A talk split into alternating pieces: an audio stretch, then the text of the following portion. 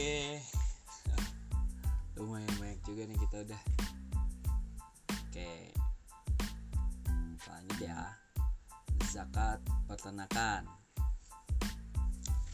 Zakat hasil ternak adalah salah satu jenis daripada zakat mal, meliputi hasil dari peternakan hewan baik besar sapi, unta atau sedang kambing, domba dan kecil unggas dan lain sebagainya.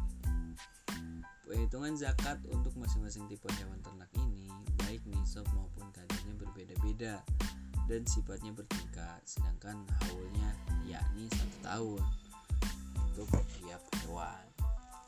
Syarat umumnya sampai nisab, kemudian berlalu satu tahun. Tenaganya tidak diperuntukkan atau dipergunakan untuk produksi. Yang terakhir digembalakan. Mengenai zakat hewan ternak, kambing, biri-biri atau domba, ketentuannya berasal dari hadis yang diriwayatkan Anas bin Malik. Ia berkata, Rasulullah SAW bersabda mengenai zakat pada kambing yang digembalakan dan diternakan jika telah mencapai 40 sampai 120 ekor dikenai zakat satu ekor kambing. Hadis riwayat Bukhari ditinjau dari usulul fiqh mengenai zakat hewan ternak kambing ini biri-biri ini ya bahwa ini diambil dari Quran surah Taubah ayat 103 maka ambillah zakat dari harta mereka guna membersihkan dan mensucikan mereka dan berdoalah untuk mereka. Sungguhnya doamu itu menumbuhkan ketentraman jiwa bagi mereka.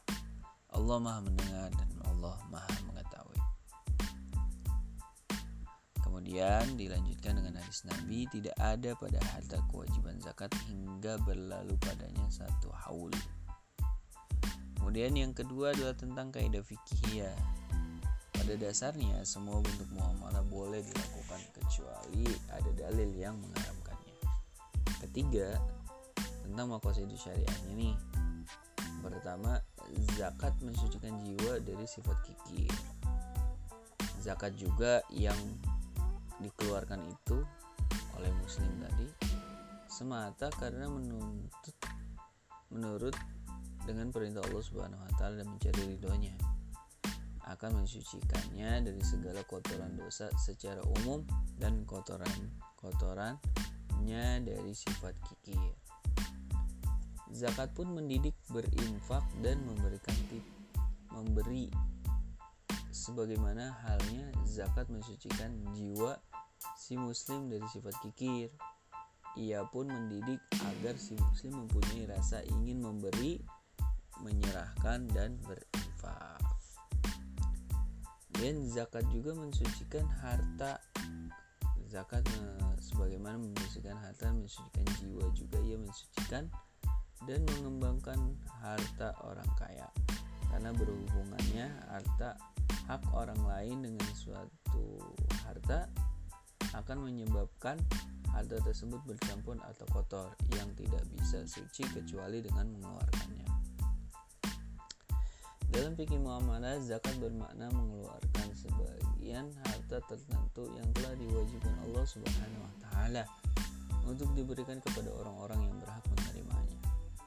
Dengan kadar hal tertentu dan memenuhi syarat dan rukunnya, orang yang selalu menunaikan zakat akan meningkatkan keimanan dan ketakwaannya kepada Allah Subhanahu wa taala dan menumbuhkan rasa kepedulian sosial serta membangun hubungan sosial kemasyarakatan.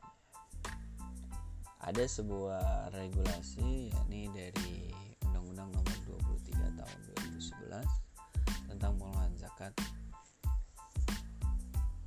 Zakat adalah harta yang wajib dikeluarkan oleh seorang muslim atau badan usaha kepada orang yang berhak menerimanya sesuai dengan syariat Islam.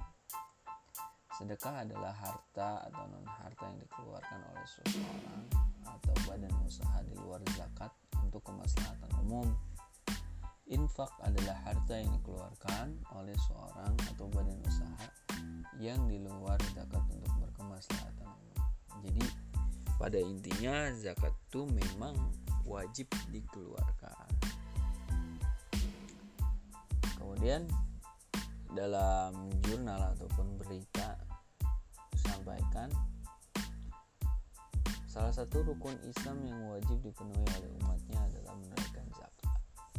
Selain mengeluarkan zakat fitrah pada Ramadan, seorang muslim juga wajib mengeluarkan zakat harta salah satu jenis salah satu jenis zakat harta adalah zakat ternak jenis unta, sapi, kerbau, hingga biri-biri. Jadi dalam permasalahan saat ini yang dipertanyakan atau dibincangkan lalu berapa jumlah yang harus dizakati dengan kepemilikan 44 domba yang telah dipelihara selama tiga tahun